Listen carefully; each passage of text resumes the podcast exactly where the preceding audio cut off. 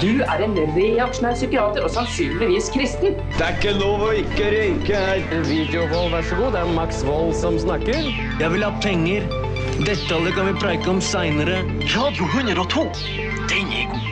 Norsk Hei, mitt navn er Alexander U. Serigstad, Og mitt navn er Kristian Serigstad Jensen. og velkommen til Norsk kultfilm. Podkasten som har dratt til sjøs. Yes, for vi befinner oss i dag i din hjemby, Kristian, nemlig Lillesand. Det stemmer. Og eh, vi skal snakke om den første filmen som noensinne ble vist på Lillesand kino 5.1.1958. Og ikke bare det. Filmen er også skutt i Lillesand og foregår i lokalområdet her. En real Lillesploitation-film det her, eller hva? Ja.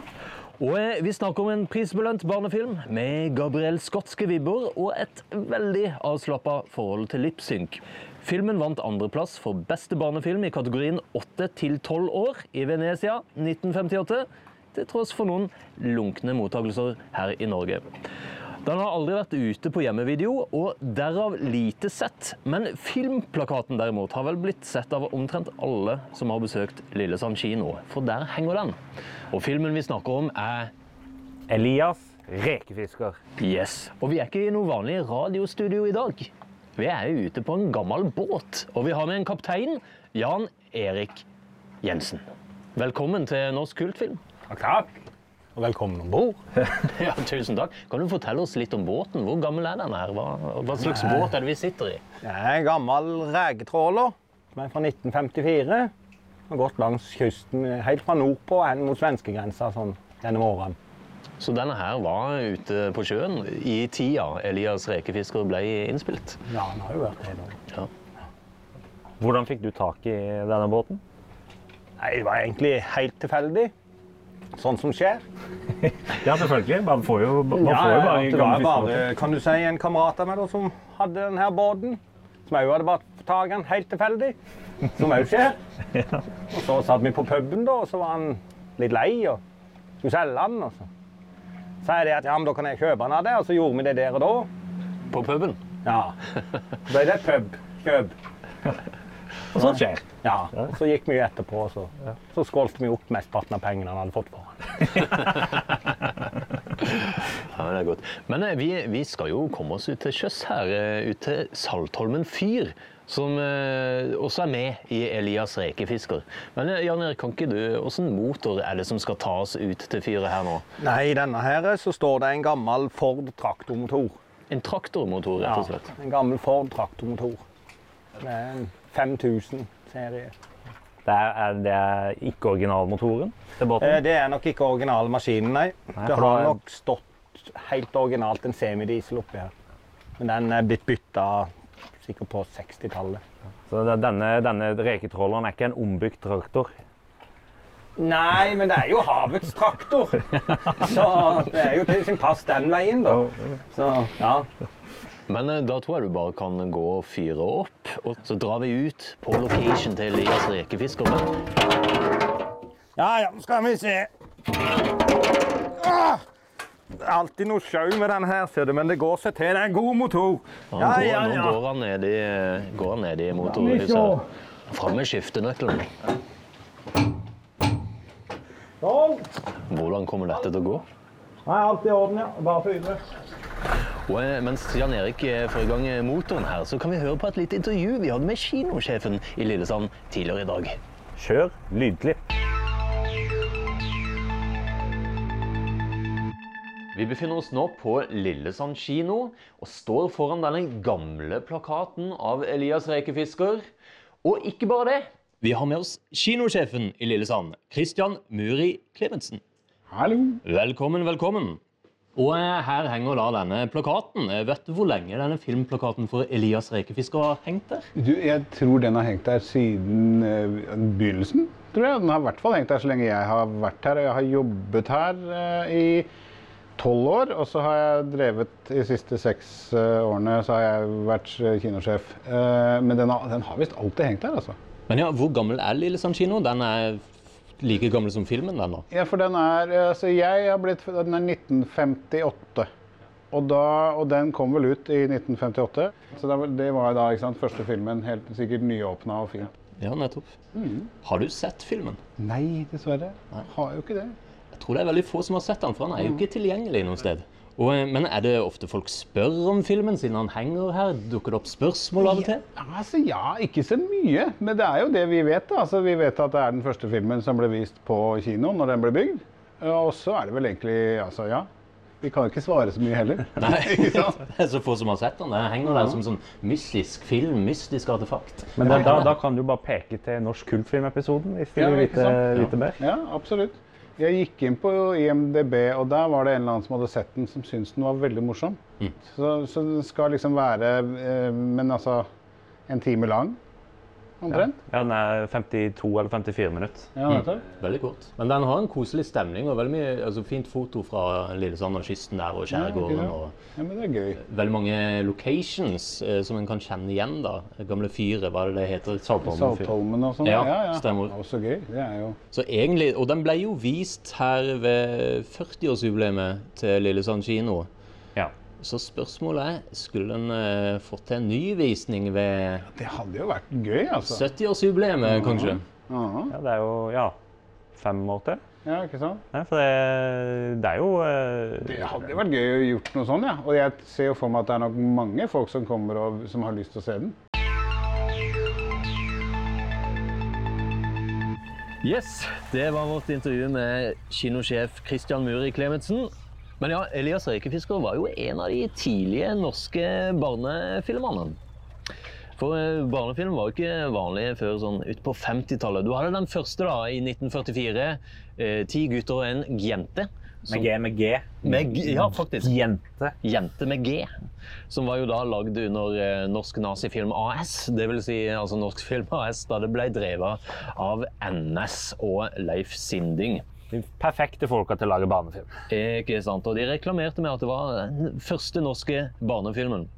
Men senere ut på 50-tallet så fikk vi jo flere norske barnefilmer. Og også flere norske barnefilmer med tilknytning til Lillesand. Vi har jo da 'Marianne på sykehus' i 1950, som var regissert av Titus Vibe Muller. Ja. Og han har vi vært borti før i forbindelse med oss atomforskere imellom. Og det er jo kanskje ikke så rart da at den Marianne på sykehuset er filma i Lillesand. Nei? For regissøren hadde jo hytte på Justøya, Ja, riktig, ja. som er da en øy i, i Lillesand. Så da er det jo naturlig, når du først, først er nede på Sørlandet, hvorfor ikke bare jobbe litt? Filme litt? Ikke sant? Og få litt eh, spektakulære omgivelser å fange på film. Og Filmen handler jo om Marianne som er uheldig og slukker en brystnål sammen med havregrøten. Hun blir jo da transportert fra Lillesand til Oslo, og blir innlagt på Rikshospitalet. Og Dette var jo en sånn informativ eh, barnefilm som skulle vise at eh, det er ikke noe farlig å havne på sykehus. Nei, der til og med på sykehus havner folk som eh, prøver å sparke katter og faller ned trapper. Ja, ja, ja det, for en av de andre innlagte jentene der hadde prøvd å sparke en katt. Ja, Og så skadet falt- beinet. Og så skada beinet på falt i trapp. Og fikk seg en god lærepenge om at man skal ikke sparke katter.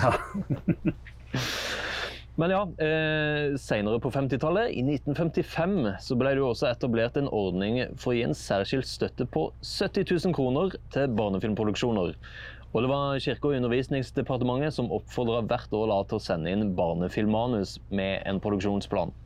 Og de første filmene som da fikk støtte, var Toya, som kom ut i 1956. Som for øvrig også var den første filmen min mor så på kino. Det husker jeg har spurt om. Ja. Og den var også filma i Stavanger, og hun vokste jo på Jæren, så det var sikkert stas å se Jeg en sender deg film. til Stavanger. Jeg sender deg til Stavanger! Sikkert stas å se en film i, i nærområdet på kino. Og eh, de andre filmene som fikk støtte, var noen av Ivo Caprinos dokkefilmer. 'Salve sauegjeter' fra 1958. Og den har jo også eh, litt alternative titler. Ja, altså den hadde jo originalt eh, Når den fikk penger, så het den jo Ståle sauegjeter. Mm. Og så bytta den navn til bare sauegjeter. Men så endte den da opp på Salve sauegjeter. Som da, hvor det er Harald Heide Steen som spiller da Salve sauegjeter. Altså i, i senior, ikke junior. Ja, ikke sant. Faren til Harald Heidesteen junior. jr. Ja. Og eh, siste filmen som fikk støtte, var jo da Elias Rekefisker. Man burde jo hatt en sånn der eh, Salve og Elias på nye, reket, på nye reketur. Nye eventyr, mener jeg. Nei, Det høres ut som sånn eh, double feature, eller at det er del av en serie. Elias rekefisker, Salve sauegjeter. Nei, det er jo forskjellige selskaper som har laga det, da. Men, Men det eh, kan, når det var de, tyskere innblandet, det er sikkert derfor den ble utgitt i Tyskland òg, den der filmen. Ja, for Elias rekefisker ble Ja. utgitt i Tyskland under tittelen Ja, Elias der eh, krabbenfisker. ja, for det var jo i 1961. Ja, Var den- 61. Den kom der. Det kan jo ha en sammenheng, at det var en tysker involvert fra begynnelsen. Who knows? Men eh, regissøren av filmen var i hvert fall Jan Erik Dyring, som vi var innom i forrige episode, med 'Hjelp, vi får leilighet'. Han har jo også regissert Bør Børson junior og eh, 'Deilige fjorden'. Og eh, ikke minst husmorfilmkomediene fra 50-tallet. Og eh, han var jo del av ABC Film, som var det eneste nye produksjonsselskapet som ble etablert på 50-tallet i Norge. Og eh, De fungerte jo som et profesjonelt produksjonskollektiv, som også eide atelier og hadde eget teknisk utstyr. Og eh, De fikk jo en ganske viktig rolle i filmbransjen på 50-tallet, for de produserte en shitload av informasjonsfilmer. Over 100 stykk i løpet av 15 år, faktisk. Eh, derav eh, 16 av de er disse Oslo-filmene, som jeg vet er blitt eh, reutgitt på DVD, og du finner mange av de på YouTube. Så informasjonsfilm var greia deres i dag, men de prøvde seg også med spillefilm, og den første ut var 'Trost i taklampa' av eh, Erik Borge, som også har flere av folkene fra eh, Elias eh, både foran og bak kamera. Det kommer vi mer inn på senere. Og den andre de produserte ble jo da Elias rekefisker. Og Den hadde et budsjett på 30 000 kroner for staten. Det var vel del av den potten på 70 000 kroner, vil jeg tro. Ja. Og eh, 12 000 kroner for et lån, så 42 000 totalt. ja. Jeg har ikke funnet ut hvem det, hvem det lånet var fra, men eh, det er ikke så viktig. Sikkert Titus uh, Vibbe Müller. Sikkert eh, Titus som uh, bada i gryn etter oss atomforskere imellom, eller? Ja, nei. Nei, dette var før. Dette var før oss atomforskere, faktisk. Altså, han, det gikk ned for han, egentlig. Ja. oss atomforskere imellom er ikke uh, Den, er, den er dårlig, altså. Mm. Men ja, eh, Sigbjørn Hølmebakk skrev manuset til filmen. Eh, Og opprinnelig skulle filmen ha vært en halvtimes novellefilm uten tale, men med kun musikk og lydeffekter. da. Og eh, Jan Erik Dyring bearbeider manus, og sommeren 1956 starta de opptakene, som tok ca. fem uker. Ja. Men eh, Alexander, nå er det jo sikkert noen som lurer på hva handler Elias rekefisker om? Du, det skal jeg fortelle deg.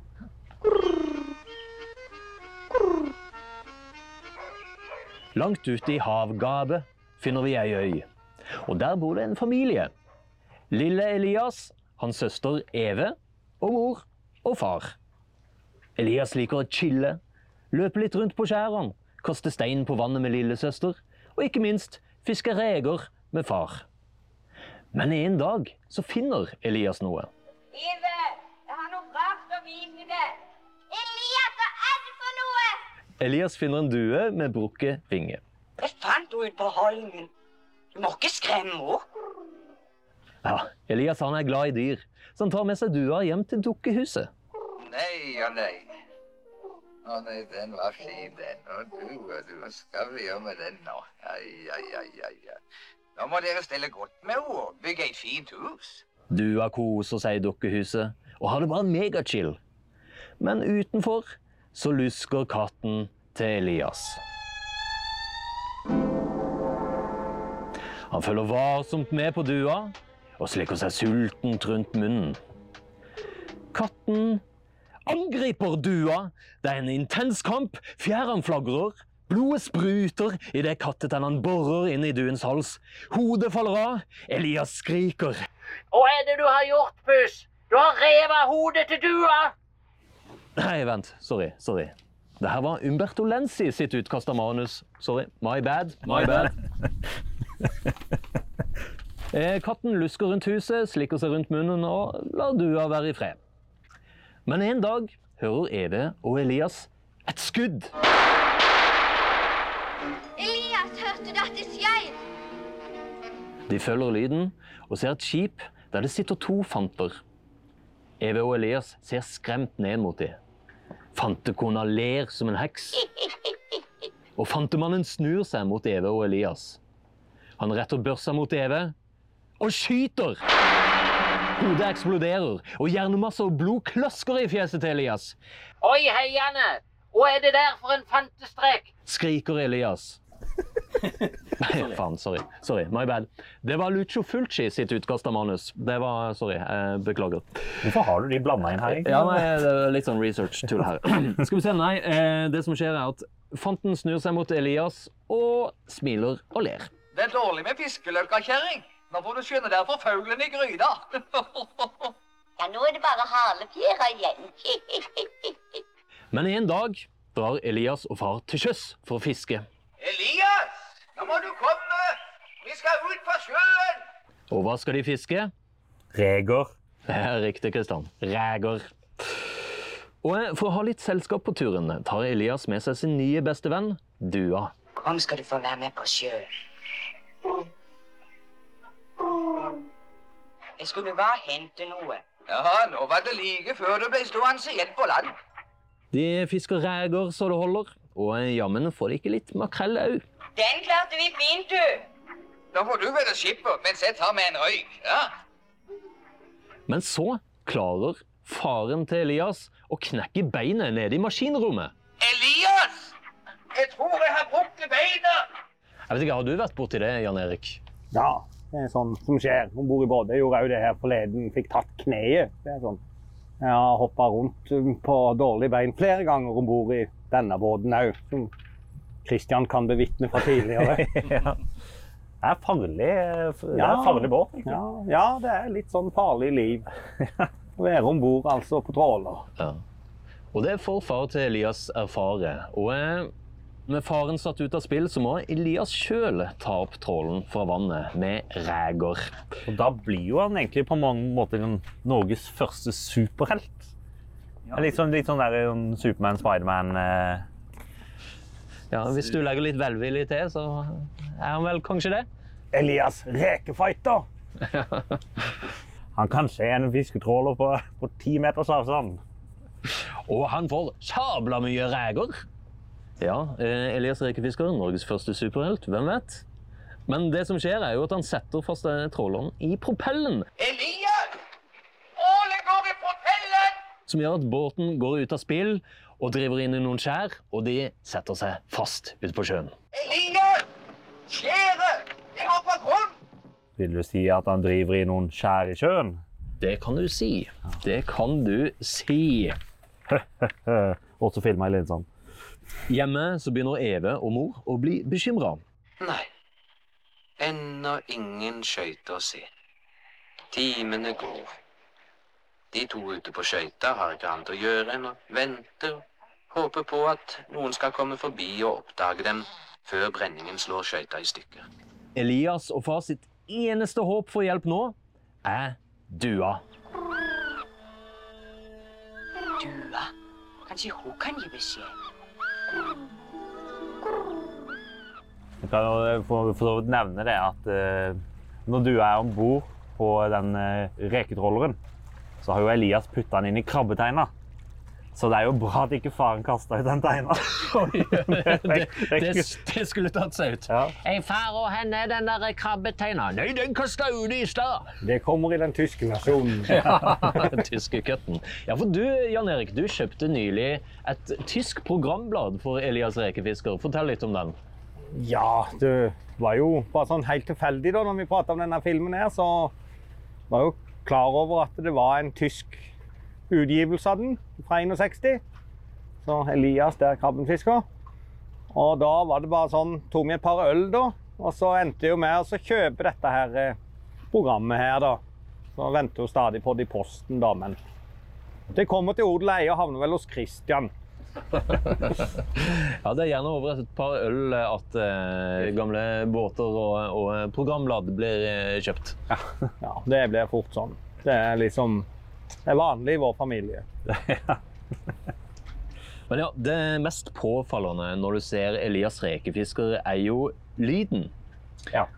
For filmen var jo planlagt å ikke ha dialog, men kun lydeffekter og musikk. Men før innspillinga starta, fant de ut at de måtte ha noe dialog. Så filmen i seg sjøl er filma uten reallyd, men eh, for å gjøre dubbinga enklere i etterarbeid, så skjer mye av dialogen med ryggen til, eller vent litt vekk fra kamera. Og noen ganger til og med uten at munnen beveger seg. For kan du si, den filmen har jo litt avslappa forhold til lipsync. Ja, altså Det er jo en sekvens i uh, Elias rekefisker hvor uh, Elias driver og bygger om uh, Eller fikser litt på dukkehuset for å gjøre det om til et eh, duehus. Stemmer. Og Da driver han og hamrer på noen spigger, som du som en regel hamrer på. Og lyden av hamringa er jo dobbelt så fort som det han faktisk gjør i virkeligheten. Ja, ikke sant? Og du kan jo si, Skuespillerne her er jo heller ikke dubba av deres egen stemme. Kan nevne casten her eh, kjapt. Det er jo Christian Løvli som eh, spiller Elias. Han var 14 år når han spilte i filmen, og er fra Lilleaker i Oslo. Og ble jo da dubba av en vaskeekte sørlending i et stemmeskifte, som da, ut ifra hva jeg har funnet ut, må ha vært Jan Ostrup. Og, eh, men Christian Løvli har jo tidligere spilt i Trost i taklampa, som eh, flere av disse folkene har jobba på. Og eh, Ragnar Olasson spiller jo da faren til Elias. Han har også spilt i Trost i taklampa, der han var Gunvors far. Han har også spilt i flere norske filmer, og hadde faktisk en liten rolle i Hva med venneres Det tause flertall i 1977. Vet du hva han spilte der? Du er faktisk usikker, for han er ikke kreditert med, med karakternavn der. Så, men neste gang jeg ser filmen, så skal jeg holde utkikk etter faren til Elias. Han må jo spille nok en av de litt eldre rollene. Antageligvis en sur, gammel grinebiter eller noe sånt. Ja, ja Han døde jo året etter. Han døde i 1978. Men i Elias rekefisker så er han mest sannsynlig dubba av Kåre Sakariassen. For han er jo en teaterlegende i Kristiansand. Jeg husker Min søster spilte jo i et skuespill som han regisserte på Agder Teater, som het 'Alle tiders bestefar'. Og han har jo også spilt i flere norske spillefilmer, bl.a. i 'Olsenbanden tar gull', der de liksom er på Sørlandet. Eh, Der spiller han eh, Han er vel han som jobber på bensinstasjonen der. Ja, altså- som altså- Egon prøver å lure, eh, men Ja. så blir han lurt igjen av Ja, altså Kåre. Sakariassen. Kåre Sakariassen, ja. Ja. Han som har stemmen til faren til Elias. Ja.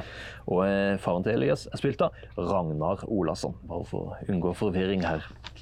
Men han Ragnar Olasson, Kristian, du har funnet ut litt om han. Ja, Nei, for han spilte jo også eh, Fjøra Rasmus i radioteatret Isflå av Arthur Klebo. Ja. Og eh, det er jo et kjent radioteaterstykke, det.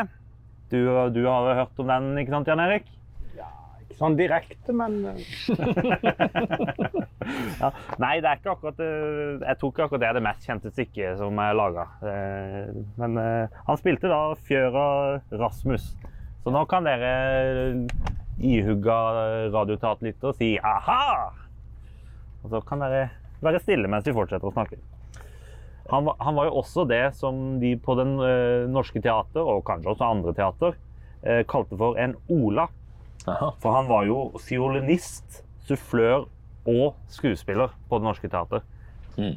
Og så vil du definere en Ola, Jan Erik. en allsidig person som kan brukes til alt, omtrent som ei potet. Ja, ikke sant. Men så har vi Eve Svendsen, som spiller Lille Eve. Hun var også fra Lilleaker i Oslo, sånn som Christian Løvli, som spilte Elias. Og hun er jo da trolig dubba av Berit Ugland. Vet ikke så veldig mye om henne. Eh, men så har vi jo da mor til Elias, som er spilt av ei med et litt sånn Disney-aktig navn, eller hva, Christian? Ja, hun har jo nesten det mest Disney-navnet du kan få. Altså Ursula Frost Thoresen. Thoresen ødelegger litt den biten der, men Ursula Frost Thoresen. Og dette er jo faktisk eneste filmen jeg kan se at hun har spilt i, men hun gjorde kostymene i filmen 'Ukjent mann' fra 1951. Og jeg fant et skriv fra Akersposten i 1966, der hun er nevnt som leder for et sykurs som muligens skulle holdes. Så det virker som kostymer var eh, hovedsysselen hos henne. Ja, den Norsk kultfilm, podkasten som eh, synser om folk har hatt sykurs. ja. muligens hadde et sykehus i 1966. Hun døde i 2004. Og i filmen her så er hun trolig dubba av Nanna Stenersen.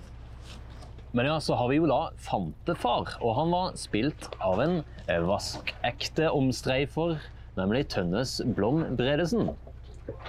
Og jeg kan lese et lite utdrag fra sladderbladet Aktuell her, da. Eh, om eh, han Tønnes sin rolle i filmen. I filmen forekommer en fant, og Dyring var på utkikk etter en skuespiller til rollen. Ved et lykketreff støtte han på Bredesen på Justøya. Og Bredesen var villig til å la seg filme. Flink og usjenert var han med på alt, og er sammen med sin farlige morkne skøyte blitt et særs viktig innslag i filmen. Det er jo, eh, kan jo nevne det at eh, Jan Erik During, altså regissøren av Elias, har jo høyst sannsynligvis da vært på besøk hos Titus Vibe Müller, som hadde hytte på Justøya. Ja, ikke sant, ja. Ja, og Justøya er en øy på, eh, i Lillesand. Ikke sant? Eh, og da han sikkert da Så det er ikke så tilfeldig sånn egentlig. Men Nei, men tilfeldig at han eh, støtter på Tønnes Blom Bredesen, i hvert fall. Og du kan jo også nevne det at uh, Tønnes Blom Bredesen har jo fortalt om sitt liv i NRK-radioprogrammet eh, De reisende forteller om seg selv i 1936, tror jeg det var fra. Aha. Eh, eller var det 46? Jeg tror det er 36, mener jeg å huske. Det var på 30-tallet iallfall. Hvor han da snakker om seg sjøl. Nei, men kult. Men ja, vi kan snakke litt om crewet her. Altså, Fotoet i filmen er jo gjort av Tore Breda Thoresen, som også hadde fotografi på Trost i taklampa, så den går igjen her. Ja. Eh, han Det er jo samme selskap, da, så det er jo ikke så rart at de går igjen. Nei, ikke sant. Det er jo naturlig Ja. at det er litt nøkkelfolk som går igjen. Eh, Han gjorde også foto på eh, Jakten, som er jo en litt sånn eksperimentell film fra slutten av 50-tallet, regissert av bestefaren til Joakim Trier, nemlig Erik Løken. Og han var jo også med i ABC Filmselskapet, så alt henger sammen. Eh, Tore Breda Thoresen gjorde også foto på Streik av Oddvar Bull Tuhus og en rekke andre norske filmer. Streik kommer opp hele tida, altså. Ja, den, den gjør det. Den, den blir nevnt av og til, altså. Men eh, altså, filmen er jo egentlig ganske fint fotografert. Mye beauty shots av Lillesand og skjærgården og sjøen og båter, ikke minst. Og så er det et veldig kult sånn eh, tvunget perspektivshot første gang du ser det dukkehuset. For da ser du bare sånn total av et hus som framstår som et vanlig hus. Og plutselig ut fra sida så kommer Elias, som er jo da dobbelt så høy som dette huset. Og da, da husker jeg, da smålo vi litt. Ja.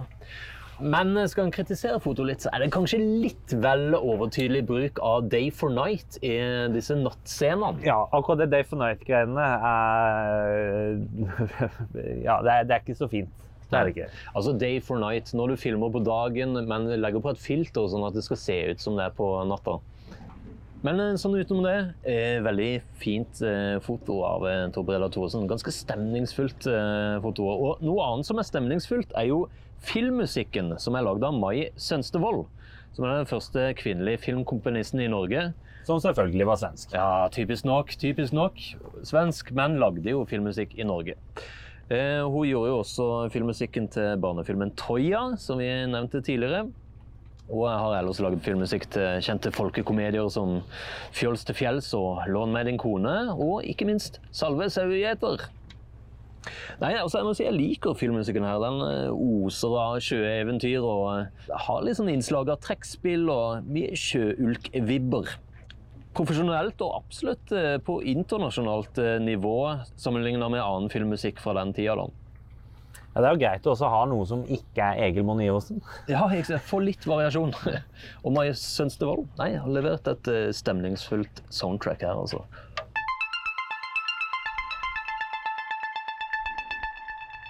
Altså, Christian, du har jo mast i, siden vi starta denne podkasten om at uh, du vil lage en episode om Elias rekefisker. Ja, jeg har mast, ja, men det er jo mest for å bare få Jan Erik til å holde kjeft om eh, filmen. Sånn som når, når når fortalte om det at vi skulle lage podkast om norske kultfilmer, så var jo han med en gang Ja, men du, da må du lage en episode om Elias rekefisker! Kan, kan du bekrefte dette her, Jan Erik? Ja, stemmer det, ja. Ja. Men hva er ditt forhold til filmen? Nei, det er jo det der, der da, med at en har liksom på en måte vokst opp med den der plakaten på det her kinoen, da. Ja. Og alltid sett liksom den der. og ja, og så drev jo Leif og prata mye med også far til Kristian. Da prata jo veldig mye om den filmen før. Da påsto han i hvert fall at han hadde sett den, så han drev og fortalte om han òg, så. Ja, for Det har jo noen familiære koblinger her. For din far Christian jobba jo på Lillesand kino på 70-tallet, eller back in the day, som de sier. Ja. Eh, ja, han var visst en eh, kinomaskinist på 70-tallet eller noe sånt. Men ikke bare det, men eh, din bestefar. Ja, altså min bestefar Alf, han var jo, han var jo også en rekefisker. Han var det, jo. Og mange, mange vil jo si det at Elias rekefisker er jo basert på, på Alf, da. Ok. Og han er litt opphavet. Ja. Kan du bekrefte dette, Jan Erik? Ja, så absolutt på det høyeste må det være det, altså. Det er ikke noe vei utenom. Ja. Men han Alf han hadde en rekebåt da, som var ute på De fiska jo egentlig reker med den båten kan du si, mest altså på, slutten altså på 60-tallet og så litt på 70 begynnelsen av 70. Men eh, båten den var jo kan du si fra 36. Ja. Rundt tida som han Tønnes Blom Bredesen eh, farta rundt på sjøen her. Ja. Nettopp det jeg sier, det er basert på alt. Ja, alt henger sammen. Alt henger sammen. Men, eh, men eh, ja, hvor er den båten den nå? Nei, altså Den er jo dessverre blitt hogd, da. Men styrhuset har jo havna på verven her inne som lite sånn mikrobibliotek. Altså hvis, du er i, eh, hvis man er i Lillesand og kommer over et styrhus som fungerer som et lite bibliotek som står ute, så er det da altså styrhuset til Alf sin gamle fiskebåt. Ja. Det Så er her, her kan en få med seg lokale historiske artefakter rundt omkring i Lillesand. Og det er jo en del locations eh, i Lillesand her som du kjenner igjen. Kristian, kan du fortelle litt om det? Ja, altså eh, Der hvor familien bor, er jo da på eh, Nøddingen eh, eller eh, Klubbholmen. Ja, for de har filma både på Nødingen og Klubbholmen. Ja, jeg er litt usikker på hvilken av de to øynene huset skal være på, men mm. det er på en av de to øynene. Mm. Og så er det jo um, Når de senere i filmen drar ut og skal regefiske, så kjører de jo forbi Saltholmen fyr. Ja, og det som er interessant, nå begynner vi å nærme oss Saltholmen fyr. Det er Ja. sånn at vi faktisk kan se det fra båten her. Ja, nå kan du begynne å se det her, ja. Ja. Så, eh, så her må vi nesten stoppe for å ta noen bilder når vi kommer der. Men da er det bare å sjekke ut Norsk Kultfilms Instagram-konto for å se bildene fra turen vår her ute på sjøen i, i Lillesand. Og nå, vi har Instagram, ja? Ja, Kristian, vi har Instagram. Vi har hatt Instagram i to år. Ja, okay, Vet du hva Instagram er for noe? Eh, altså, jeg har hørt den bli nevnt på sånne videoer og sånn på internett. Ja, det er sånn sosiale medier-greier. Ja, ikke sant, ja. Jeg har Facebook. Jeg har det. Nei, men eh, folkens, hvis dere er litt mer oppdatert på sosiale medier enn Kristian, ta og følg oss på Instagram, da vel. Så kan dere se bilder fra turen vår her. Ikke på Facebook. Nei. Men bare på Instagram det blir lagt opp. Ja, det er på sånn sikkert Facebook òg. Diskusjonsforum. Ja. Mirk. Legg ut på Mirk. Og ikke så veldig langt ifra eh, Saltholmen fyr så ligger da eh, Lillemalmen og Stormalmen. Eh, og rett ut forbi der så er det noen skjær. Og der er det der fisketråleren eh, går på skjær, da. I eh, Elias rekefisker. Ikke sant? Så da er det bare å notere ned på Google Maps og reise ut og dra på location til Elias rekefisker.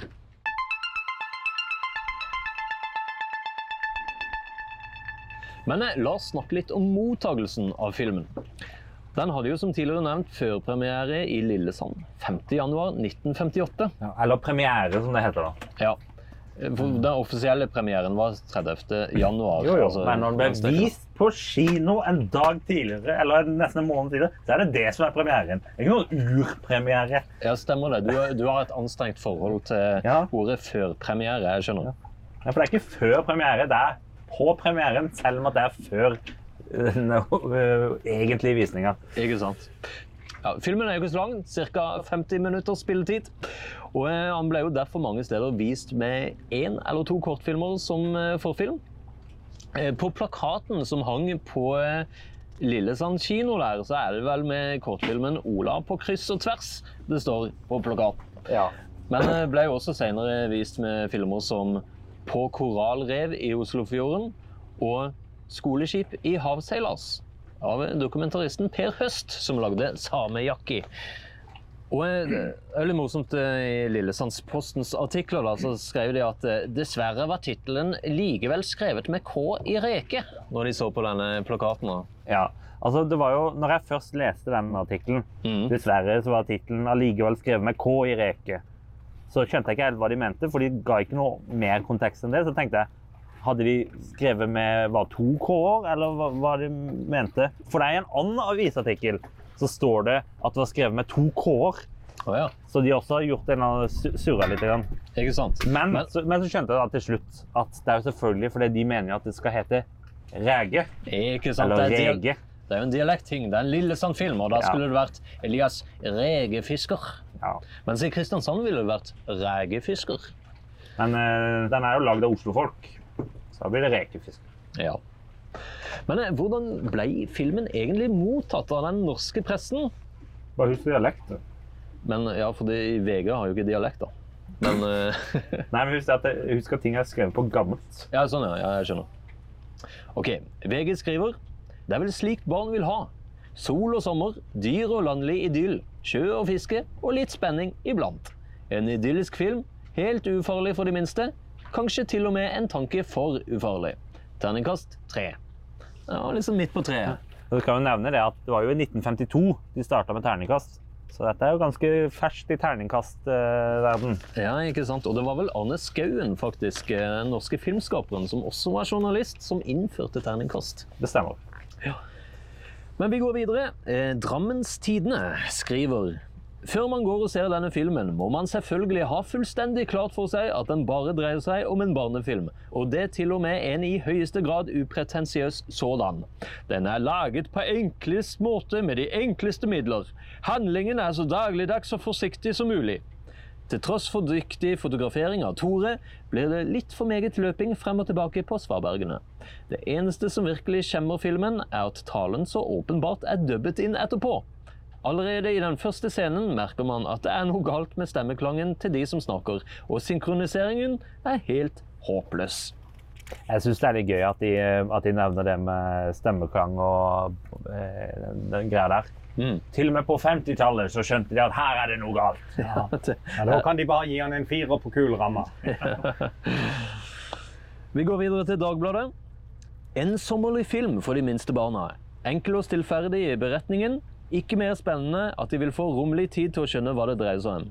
De finner en brevdue som er skadd, og som de tar nydelig hånd om og innlosjerer i det lekreste lille dukkehus noe fugl har fått innpass i uten hjemstavsrett. Jeg tror de var positive. Jo, Ja. høres positivt ut.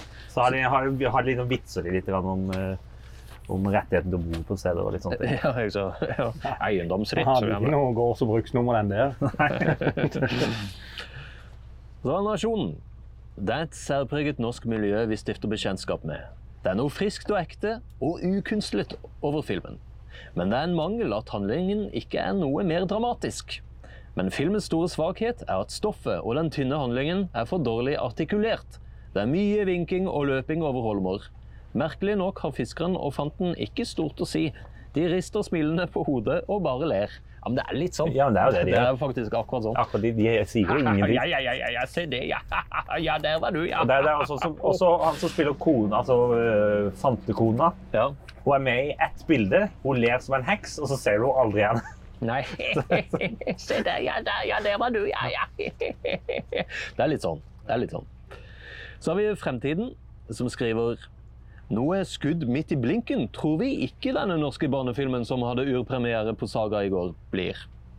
Å ja, OK, så hadde urpremiere på Saga. Ja vel. Ja, men altså premieren, da. eh, mener Ja. du da. Barna vil nå en gang ha spenning for alle pengene, og denne filmen hadde ikke mye av den slags. På plussiden kan vi nevne fotograferingen. Det var et barskt stykke Sørlandet. Ja, De drar fram foto her da, av han eh, Tor. Ja, Det, det, er jo, ikke det er jo fint. Ja, men det er jo ikke så veldig mye annet å dra fra. Nei. Men det er, jo, det er jo en fin reklamefilm for eh, Sørlandet, det. Ja.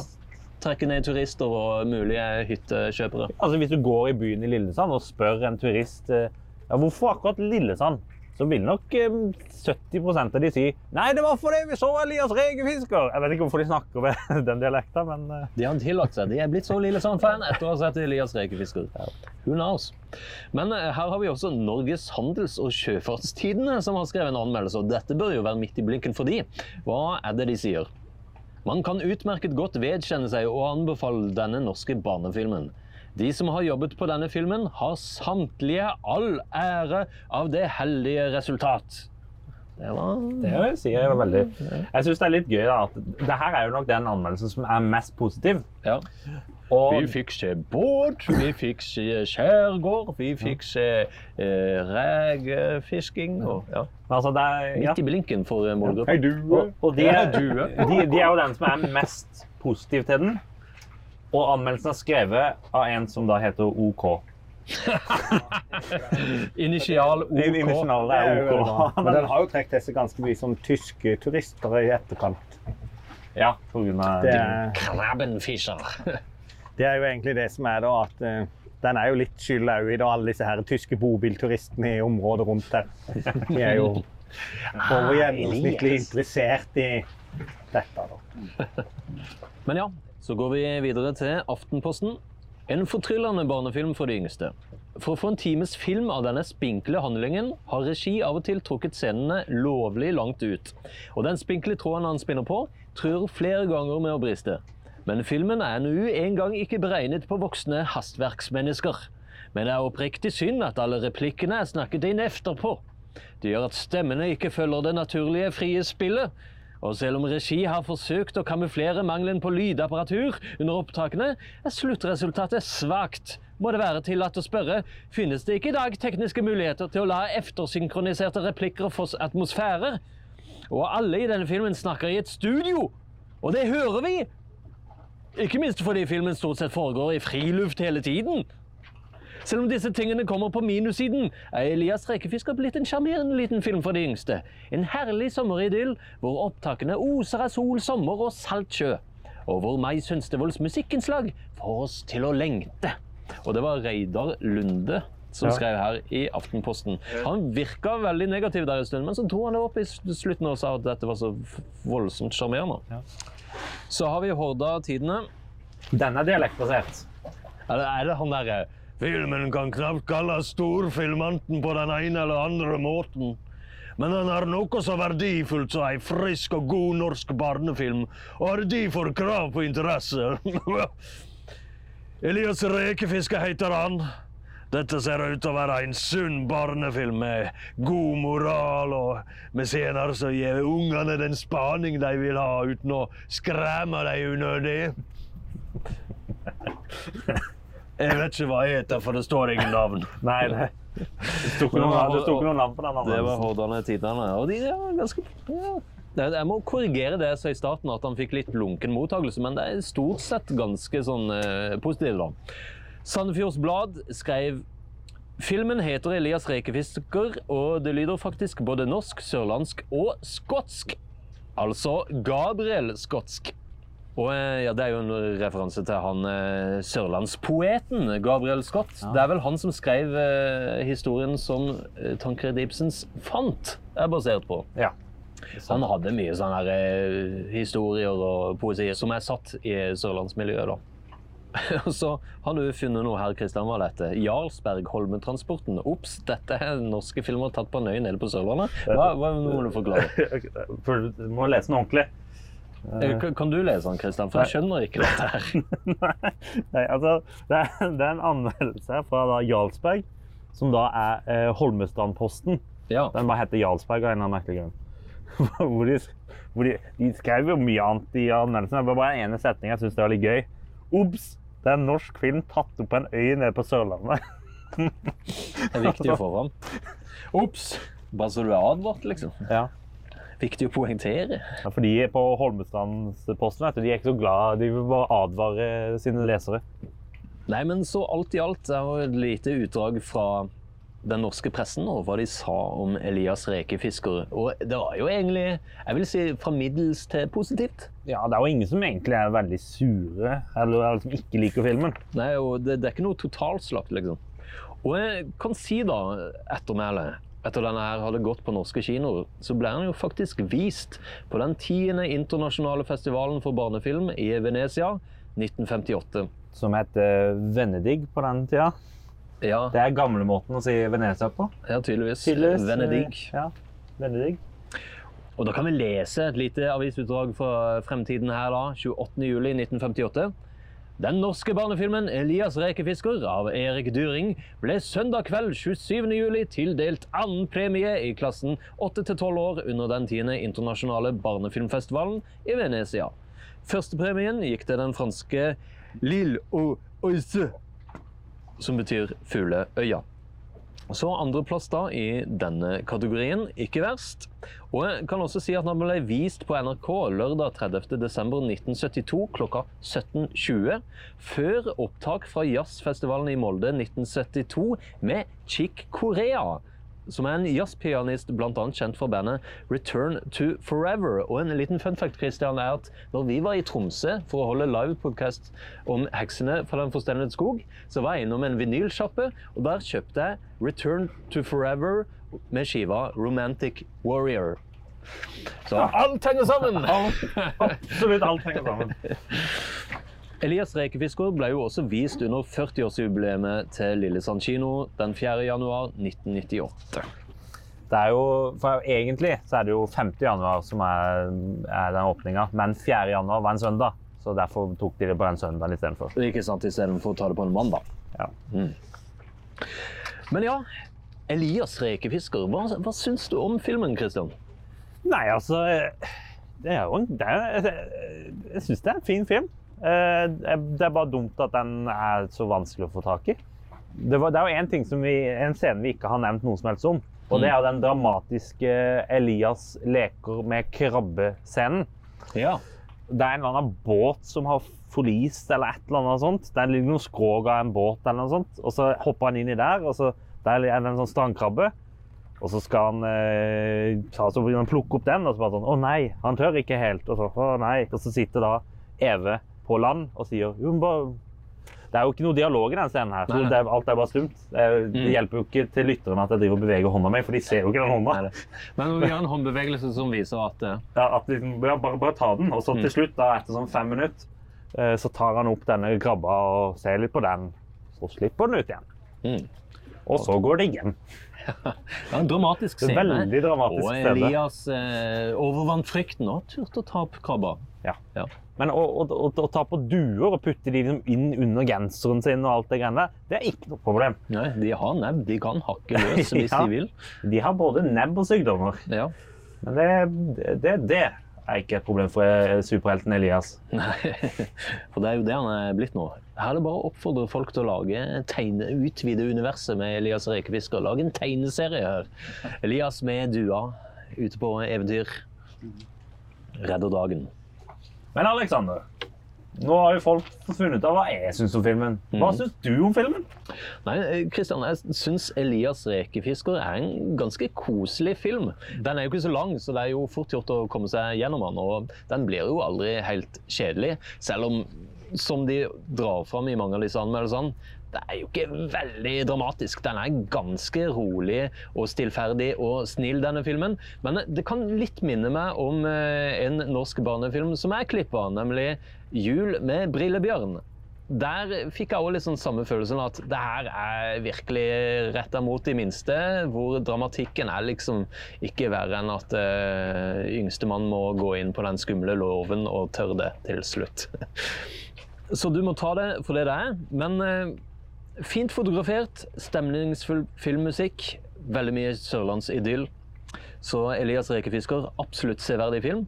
Eh, hadde passa fint å vist på NRK2 sånn klokka 14 eh, på en eh, sommerdag. Ja, det var litt av et kompliment. Ja, var det ikke det? Nei, jeg vet ikke. Eh, Det hørtes ikke ut som Nei, nei, ja, men sånn, for det er jo for spesielt interesserte. Jo, det er jo jo, ikke, det er jo det er ikke ja, ja, Nei, det er jo ikke. NRK1-sending. Det er det ikke. Det er sant, det. Ja, men ja, nei, for all del. NRK1. for den saks skyld. NRK1 klokka 14 på en onsdag i juli. Og filmen er jo ikke tilgjengelig å se noe annet sted enn Nasjonalbiblioteket akkurat nå. Men jeg syns det her kan bli en sånn eh, sommertradisjonsfilm, en en ser eh, hver sommer. Sikkert også interessant å se for lokalfolk i Lillesand, så jeg foreslår at eh, Lillesand kino burde få til en relansering av Elias Rekefisker på 70-årsjubileet. Og det skal sies, nå har jo filmen 65-årsjubileum i år. Ja. Fra når den er utgitt. Ikke opptak. Yes, men da var vi eh, kommet til veis ende. Vi er faktisk kommet fram til Saltholmen fyr, Kristianne. Som er en location brukt i Elias rekefisk. Så da tenker jeg vi bare skal nyte utsikten litt og runde av episoden her, eller hva? Ja, det høres for fornuftig ut, det. Ja, og til slutt må vi da nesten rette ut en liten takk til Tina Ankermann og Ingrid S. Holtare ved Nasjonalbiblioteket. Hilde Løken ved ABC Film, Linda Serigstad Jensen, Jan Erik Serigstad Jensen, kinosjef Christian Muri Klemetsen, Anne Sofie Høeg Omdal og Terje Ellefsen ved Lillesand by- og sjøfartsmuseum. Og ikke minst Lillesandposten. Mitt navn er Alexander U. Serigstad. Og mitt navn er Christian Serigstad Jensen. Vignettmusikk var Ivar Nikolai Falle, og vår grafiske designer er Stian André Sakariassen Olsen. Vi avslutter med ord fra Fantan i slutten av filmen som sier Vi kommer tilbake neste sommer! Takk for oss. Ha det bra. Hei.